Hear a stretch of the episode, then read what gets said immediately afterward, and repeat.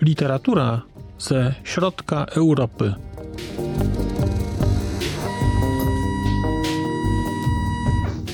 Podcast około książkowy.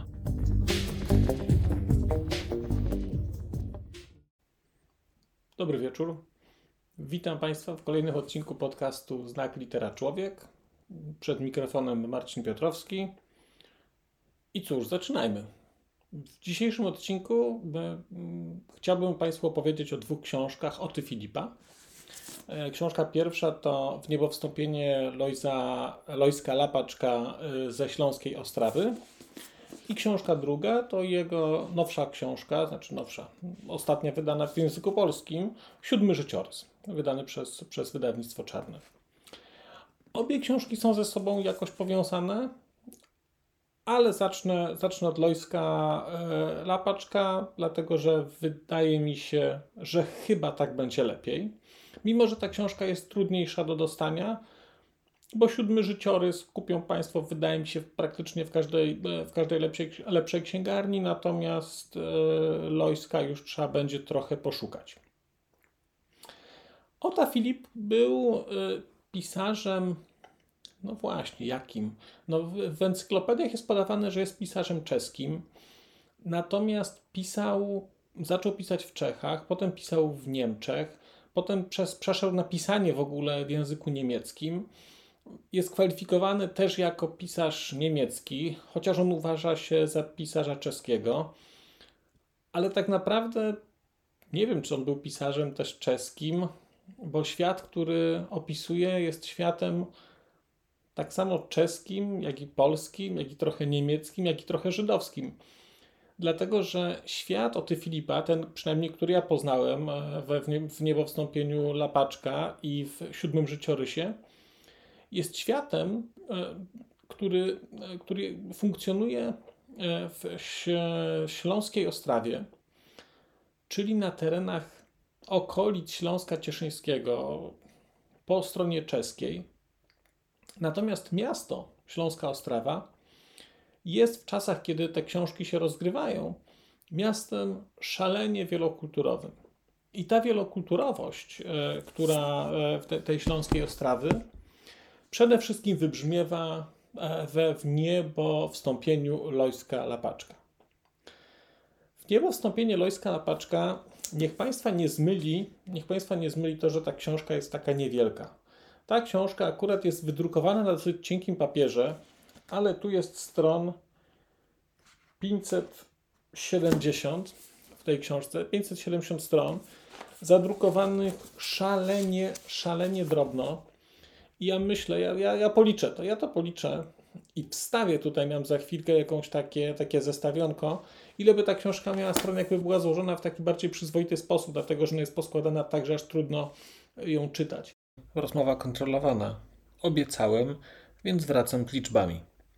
Spójrzmy teraz na te dwie książki, czyli na Lojska Lapaczka i na życiorys, yy, siódmy życiorys, trochę z punktu widzenia liczb i tego, jak one są poskładane. Popatrzymy na trzy kategorie, czyli pierwsza to będzie ilość znaków w wersie, druga ilość wersów na stronie, i trzecia, ilość znaków na stronie. Jak się pomnoży jedno przez drugie, wyjdzie, ile znaków mieści się na stronie.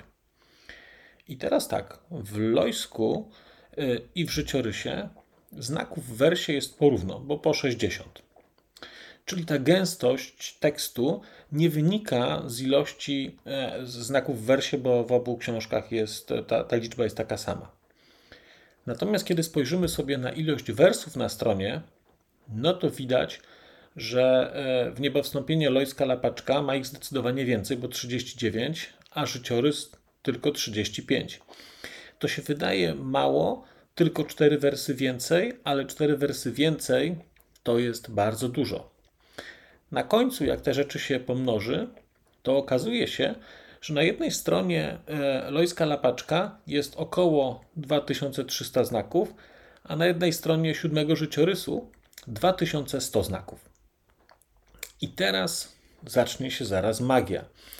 No bo tak, jeżeli weźmiemy pod uwagę, że stron w lapaczku jest 575 i pomnożymy sobie liczbę stron przez e, liczbę znaków, to okaże się, że Lojzek lapaczek to jest jakieś 1 345 tysięcy znaków.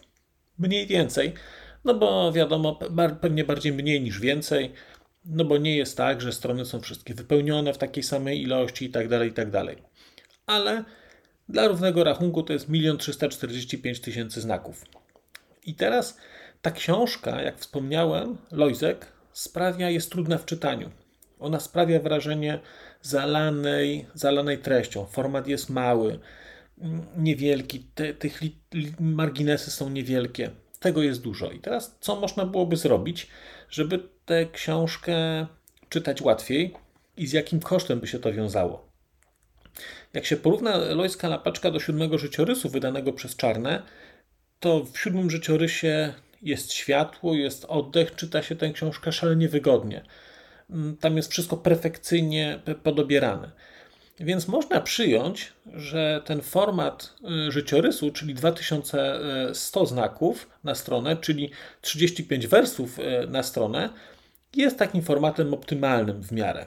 Więc zobaczmy teraz, jeżeli mamy 1 345 tysięcy znaków, podzielimy go sobie przez 2100 znaków na stronie, to okaże się, że gdyby zastosować tę taką gęstość e, życiorysu do poskładania lapaczka, to objętość książki wynosiłaby jakieś 640 stron, czyli no plus, ile tam, plus 40, plus 60 stron więcej.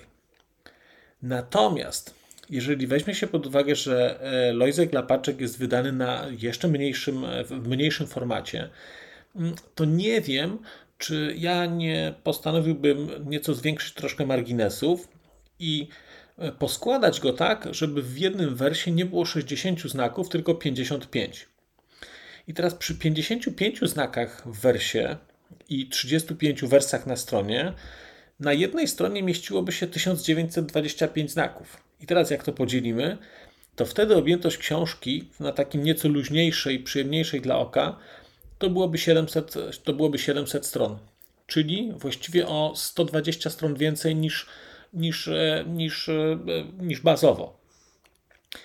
I to jest prawdopodobnie powód, dla którego ta książka jest poskładana jak jest poskładana. Dlatego, że to są tylko ilości stron.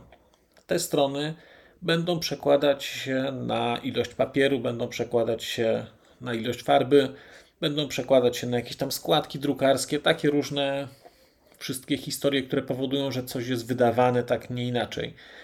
I nie ukrywam, że bardzo cieszę się, że minęły te czasy, że wydawnictwa optymalizowały książki tylko pod, kosztem, e, pod kątem wydania kosztów, redukcji kosztów i zrobienia rzeczy jak najtaniej. To jest lapaczek. Znaczy nie chcę, ja się w ogóle cieszę, że ta książka wyszła. Super, że wyszła i super, że ją możemy czytać. Natomiast przychodzi to, no, no może nie z pewnym trudem, ale trzeba się troszkę przy tej książce zmagać z materią. Z kolei siódmy życiorys wydawany przez Czarne to jest cudownie, perfekcyjnie poskładana rzecz, przez to się po prostu płynie. No właśnie, tylko że gdyby ten lapaczek był poskładany tak jak życiorys, to byłby, byłby dużo grubszy. I mówię, to jest tylko po to, a ja też te liczby chciałem Państwu pokazać, po to, żebyście zobaczyli mniej więcej, jak można szacować sobie objętość książki, jak można zastanawiać się, dlaczego książka została wydana tak, a nie inaczej.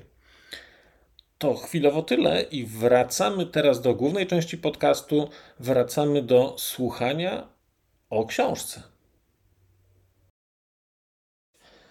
Natomiast chcę przez to powiedzieć, że ta książka jest objętościowo bardzo, bardzo duża. I przez to, że jest objętościowo, w ogóle takie mam wrażenie też trochę, że te rzeczy czeskich pisarzy, które czytam, są objętościowo duże. I rzeczy, które pisał Szkworecki są duże. I rzeczy, które pisał Chostowski też są większe. I rzeczy, które teraz czytam od, e, od Filipa też są duże.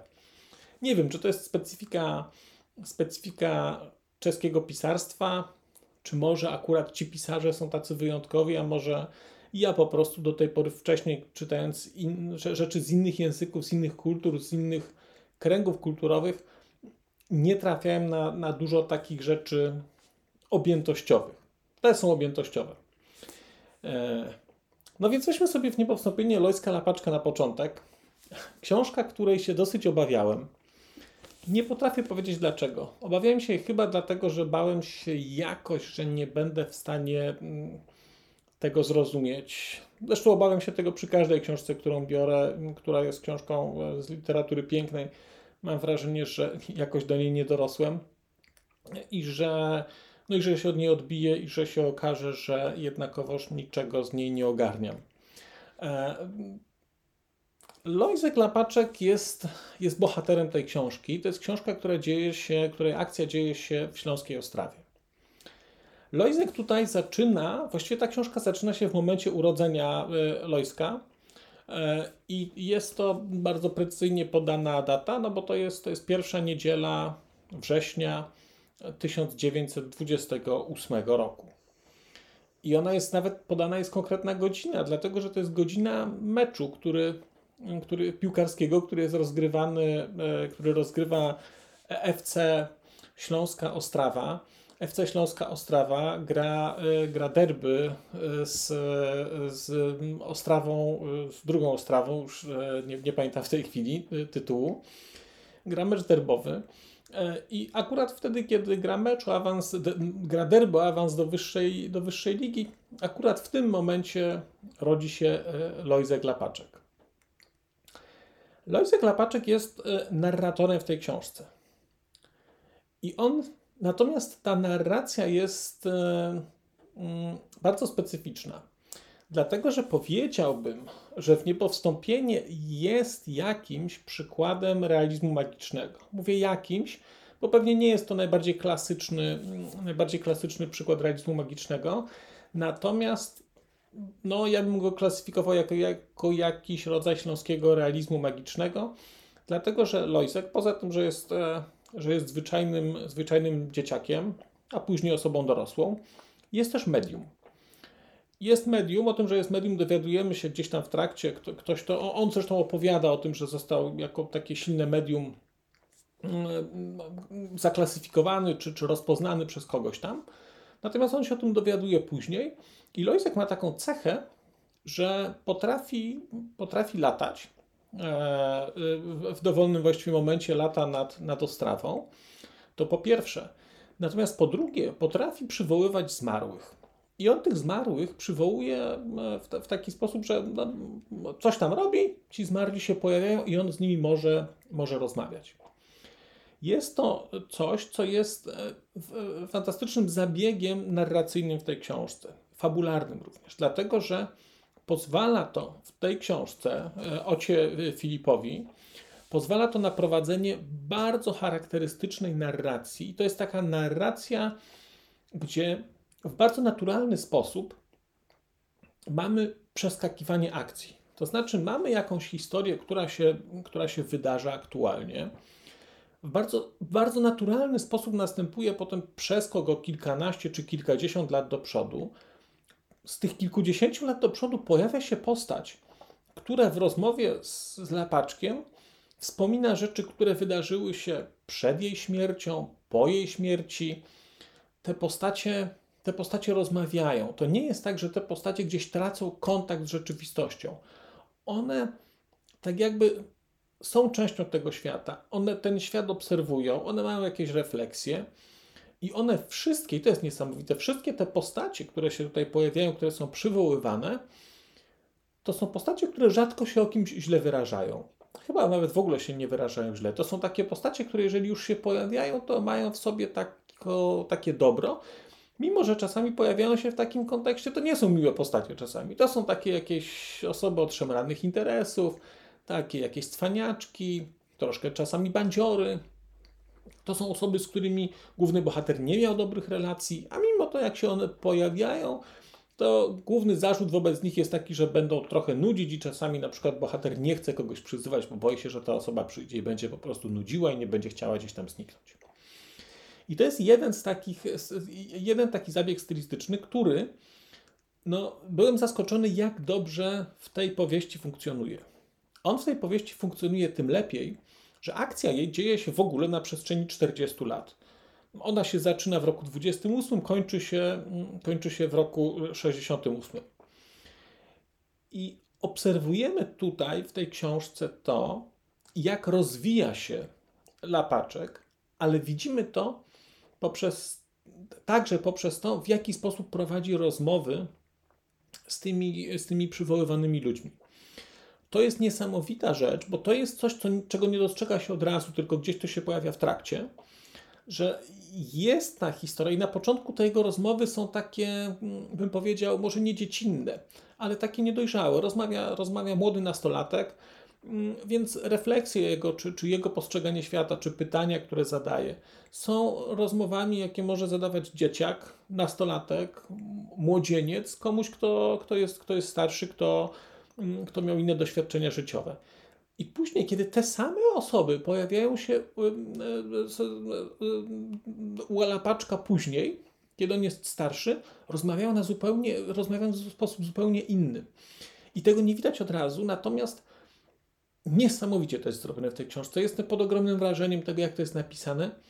W trakcie zmienia się język, którym, którym ta książka jest pisana, zmienia się sposób formułowania myśli, zmienia się sposób takich wewnętrznych refleksji, które, które ma Lapaczek e, na temat świata funkcjonującego wokół niego. I to jest, mówię, zrobione fantastycznie, bo właściwie trudno wskazać momenty, nazwijmy to w cudzysłowie, zmiany biegów, przeskoczenia na kolejny poziom. Tego nie widać. Ta rzecz po prostu sobie narasta, narasta, przesuwa się w czasie, wydarzenia, wydarzenia e, jakoś sobie idą i w którymś momencie łapiemy się, że ej, ale on jakiś czas temu mówił o, o, na podobną rzecz w inny sposób. Co więcej, w tej książce będzie co, na, co najmniej kilka wydarzeń, które pojawią się kilkukrotnie i kilkukrotnie będziemy widzieć coraz więcej szczegółów.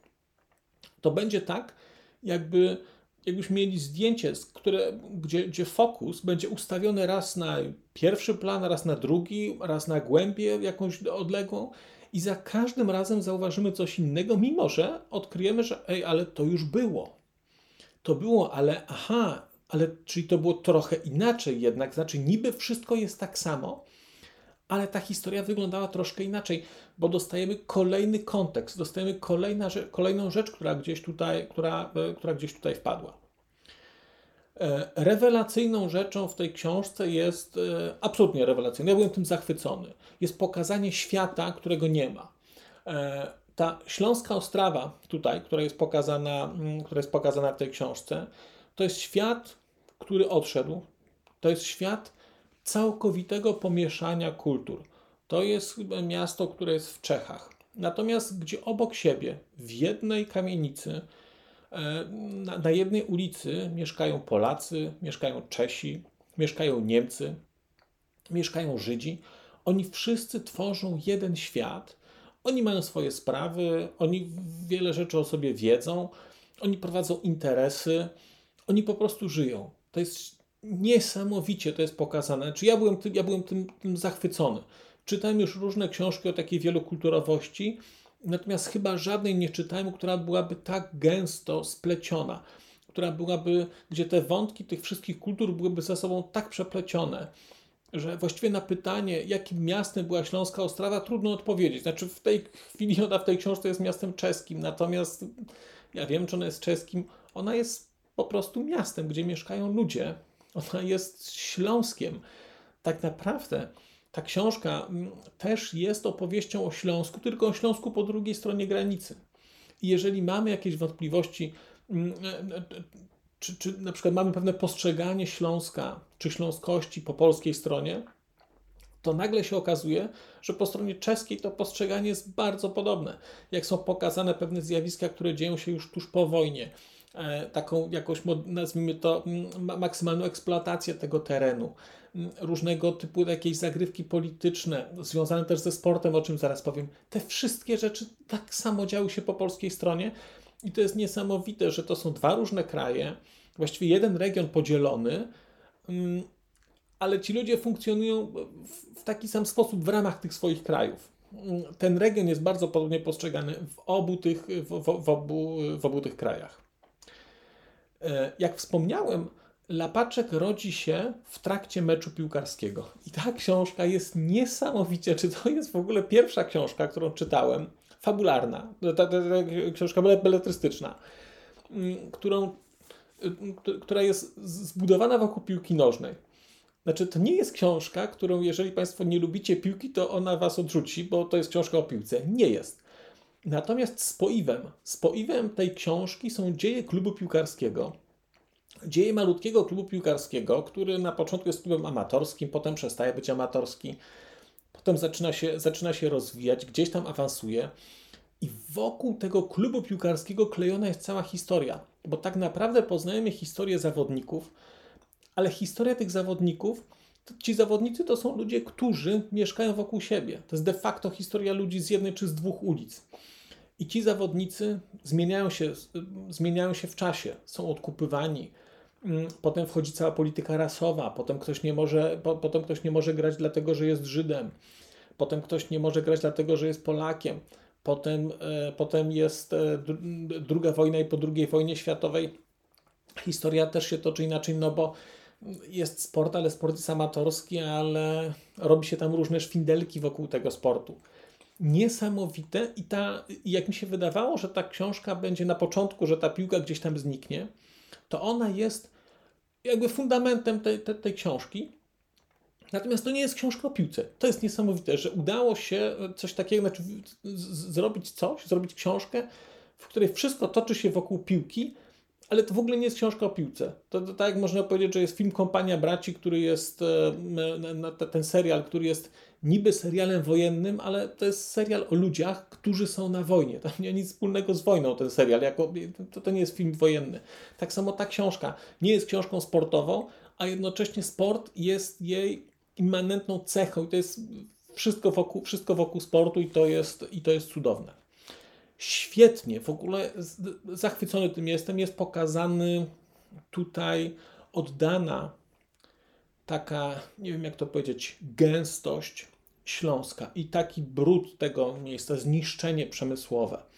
O ile Czechy na przykład, które znałem e, z, które znałem z książek, z książek Szkworeckiego, ten kostelec, to jest miejsce, gdzie się jasno podkreśla, on pachnie bzem. I ja w tej chwili czytam kolejne rzeczy, e, kolejne rzeczy, które się dzieją w Kostelcu.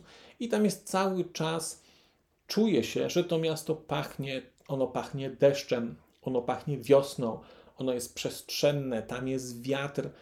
O tyle to miasto, o tyle Śląska Ostrawa i ten świat tu przedstawiony jest światem gęstym, jest światem brudnym, jest światem zapylonym, e, jest światem mazutu, ropy, węgla, powietrza, które pachnie, które pachnie siarką.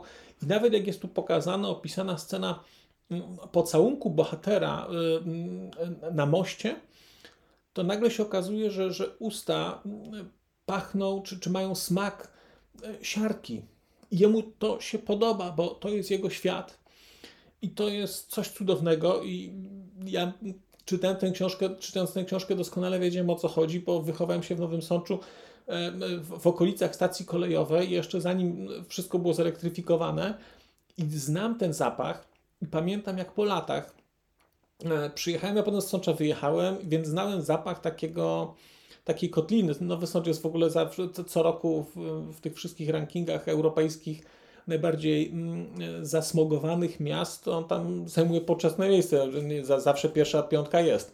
Mm, ja potem z tego Sącza wyjechałem i jak przyjechałem kiedyś do Cieszyna notabene, to wysiadłem na dworcu i poczułem, że Jezu, jestem po prostu, przeniosłem się w czasie, przeniosłem się w przestrzeni, jestem w Nowym Sączu i czuję zapach i czuję zapach e, swojej młodości, czuję zapach zasiarczonego węgla, i w ogóle mi to nie przeszkadza, bo to jest coś pięknego i ta książka, i ta książka właśnie, i ta książka właśnie taka jest.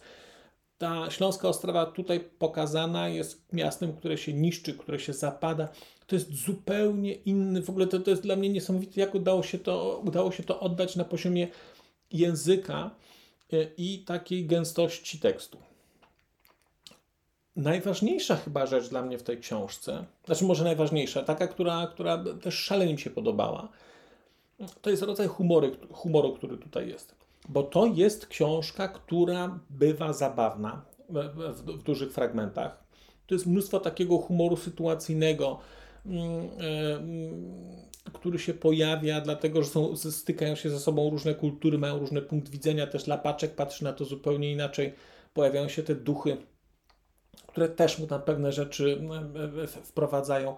Są postaci, które cały czas mają jakieś swoje historyjki, które, które gdzieś starają się, starają się opowiedzieć. Natomiast tu jest mnóstwo humoru, natomiast ten humor jest taki, nie wiem jak to powiedzieć, on jest taki jak ten, jak ten, jak ten śląski świat, o którym Państwu powiedziałem. Ten humor jest brudny, ten humor jest taki gorzki. To jest taki czarny humor. Znaczy, człowiek się tutaj uśmiecha, ale to jest zupełnie inny śmiech niż u Szkworeckiego, gdzie te rzeczy tam były zabawne, a te rzeczy są takie, że człowiek uśmiecha się pod nosem, bo to jest śmieszne, ale tak naprawdę cała ta sytuacja, która jest w tej książce pokazana, to my się uśmiechamy, ale wiemy, że to się nie skończy dobrze w takim najbardziej, nie wiem jak to powiedzieć, klasyczny, klasyczny e, sposób, jak można mówić, że, że pewne rzeczy kończą się dobrze. Mówię, historia rozgrywa się na stronach, e, na stronach 600, historia rozgrywa się na, na przestrzeni 40 lat.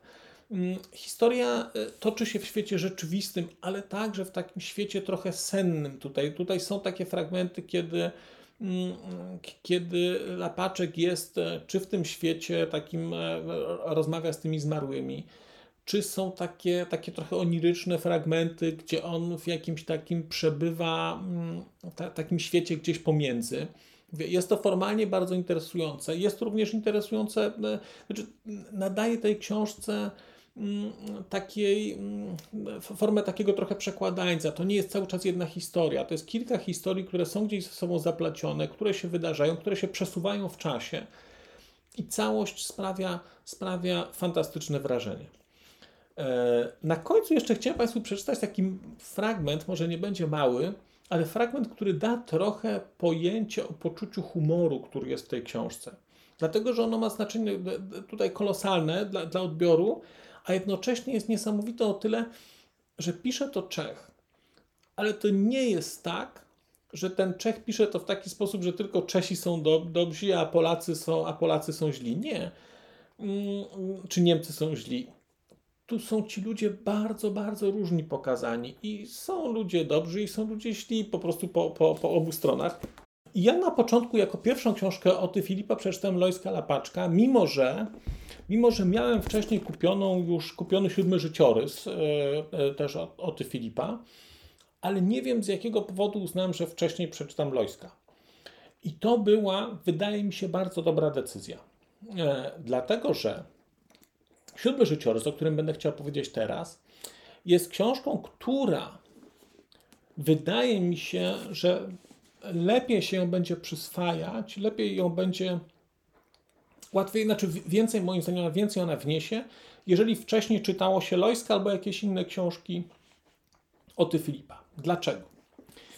Y, siódmy życiorys, co to znaczy ten siódmy życiorys tutaj? I tu Państwu przeczytam fragmencik, ale znacznie krótszy, bo to będzie, bo to będzie jedno zdanie, które jest właściwie zdaniem e, otwierającym. Nie, przepraszam, to jest, e, to jest drugie zdanie. Chociaż nie, zacznijmy od początku. W prologu Łota Filip pisze tak. Jeśli zliczę swoje życiorysy, o których wiem, że istnieją, otrzymam liczbę 7. Pierwszy to ten przeżywany w rzeczywistości. Drugi, skrócony, jest przeznaczony dla urzędów na użytek cudzy i do innych mniej sensownych celów. Potem następują cztery kolejne, które za pomocą literackich kodów, gierek i fantazji zawarłem w swoich czterech powieściach. Mój siódmy życiorys zaczyna się w piątek, 13 lipca 1951 roku, kiedy to czarnym atramentem zaczął go kaligrafować i protokołować w urzędowych raportach podpułkownik, a wkrótce pułkownik Franciszek Fitz, szef pierwszego wydziału sekcji szóstej SWW, istny diabeł, którego zesłał mi sam szatan. I ten siódmy życiorys yy, o ty Filipa to jest fragment albo inaczej, to jest powieść autobiograficzna, z, albo powieść z bardzo silnymi wątkami autobiograficznymi, chociaż mi się wydaje, że to jest powieść autobiograficzna, która pokazuje jakiś fragment życia Oty Filipa. On wybrał te, za, zakres czasowy tej książki po to, żeby opowiedzieć, czy żeby wprowadzić czytelnika do historii, która wydarzyła się w 1951 roku, kiedy został, można powiedzieć, wmanipulowany w, w, w, takim szczycie stalinowskiej czystki, czy może nie czystki, ale takiego stalinowskiego polowania na czarownicę w, w Czechosłowacji. On został w coś wmanipulowany, mm, został oskarżony i gdzieś tam zaczęły się rozgrywać wokół niego jakieś, jakieś, dziwne, jakieś dziwne historie. Te dziwne historie miały efekt taki, że e, na początku lat 90., czy pod, e, jakoś tak, czy w drugiej połowie lat 90., on został oskarżony, będąc już w Niemczech, o to, że współpracował z czechosłowackim wywiadem i doprowadził do jakiejś tam śmierci czy skazania mm, e, kilku swoich przyjaciół. Mieszkał już wtedy w Niemczech i mocno się to na nim odbiło, dlatego że te, te, te tak zwane rewelacje spowodowały, że jego syn, naukowiec, który który mieszkał w Niemczech, popełnił samobójstwo. On się, on przechodził, Ota Filip przechodził ciężką depresję i z tego wyszedł. I ta książka, która tutaj jest, jest rodzajem terapii. On, terapii. on chciał się z pewnych rzeczy rozliczyć, chciał o pewnych rzeczach opowiedzieć po to, żeby pewne rzeczy były jasne. E, I on tutaj, e, kawałeczek dalej, napisał tak. Z owej 70 lat przeżytej w XX wieku wyjmuję na potrzeby tej książki decydujące dla mnie 13 lat między wiosną 39 a październikiem 52 roku, czyli okres moich 9 do 22 lat, czyli okres od moich 9 do 22 lat, kiedy to w sercu w Europy złamała mnie, przemieliła, po czym wypluła na resztę życia skurwiona historia, podówczas we władzy zbrodniarzy Hitlera i Stalina. I ta książka, czyli Siódmy Życiorys, jest, e, jest zupełnie inna niż, jest zupełnie inna niż, Loj, niż Lojzek. Ona jest zupełnie inna dlatego, że ona jest dogłębnie prawdziwa. I to jest już powieść bardzo mocno osadzona w realiach. Znaczy, Lojzek też jest osadzony w realiach, oczywiście on się dzieje. Tylko, tylko kiedy patrzy, czytamy siódmy życiorys, to to jest rzecz, która się wydarzyła. Mimo, że są tutaj jakieś takie fragmenty, nazwijmy to marzeń sennych, jakichś takich. Yy, takich wątków, które, no, że coś się, coś się przyśniło i tak dalej. Natomiast siódmy życiorys jest powieścią, jest, jest próbą spojrzenia na wydarzenia, które miały miejsce. I dlatego, i, i, i ona ma zupełnie inny wydźwięk. wydźwięk. Też widać kunszt, kunszt pisarski, bo, bo o ile Lojsek jest powieścią, która widać, jak jest wystylizowana, o tyle, o tyle siódmy życiorys jest taki bardzo prosty i taki bardzo poruszający w tym, jak, w tym, w jaki sposób jest napisany. To są po prostu wspomnienia z okresów tuż przedwojennego, właściwie można powiedzieć wojennego, bo zaczyna się w 1939 roku, do, do, roku 50, do roku 52. I dlatego wspomniałem, że, że siódmy życiorys dobrze czytać po lojsku, dlatego że to jest niesamowita szansa na to, żeby spojrzeć i żeby zobaczyć, jak realne historie e, z życia Oty Filipa zostały przetransponowane, jak, w jaki sposób trafiły, trafiły na przykład do Lojska Lapaczka. To jest w ogóle niesamowite wrażenie, kiedy czytało się najpierw Lojska, a potem czyta się tuż po tym, bo ja właściwie skończyłem jedną książkę i, i, i kwadrans później zacząłem drugą. Kiedy zaczyna się czytać i sobie człowiek myśli, o rany, to tak było. O rany, to, to jest ta postać. Ach, ten wątek to tak wyglądał. Ach, to w ogóle zupełnie inaczej wyglądało. A to jest ta osoba tutaj nagle jest pokazana jako tak, jest jakoś inaczej osadzona. I to jest w ogóle niesamowite.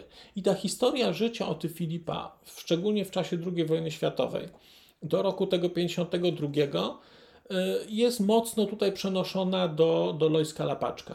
Natomiast potem y, w siódmym życiorysie taka, takie, ta, takie, można powiedzieć, jedna trzecia tej książki to już jest historia tego wmanipulowania w tę całą taką sytuację, e, w tę całą taką sytuację, mm, e, to, to, nazwijmy to szpiegowską jakąś, która jest tak absurdalna, że, że, że, że trudno sobie wyobrazić, no bo wyobraźcie sobie Państwo, że jest rok 51 i teraz któryś z Państwa bliskich przyjaciół uznaje, że dlatego, że ponieważ nudzi go życie, to przy jakiejś okazji wspomni komuś, że właściwie jego bliski przyjaciel jest e, współpracownikiem, mm, współpracownikiem wywiadu brytyjskiego, właściwie ukrytym agentem i organizuje jakiś przerzut dużej liczby agentów na polski teren.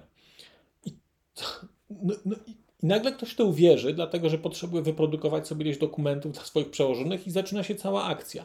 I to jest historia, która jest tutaj na, mniej, mniej więcej w jednej trzeciej tej książki opisana.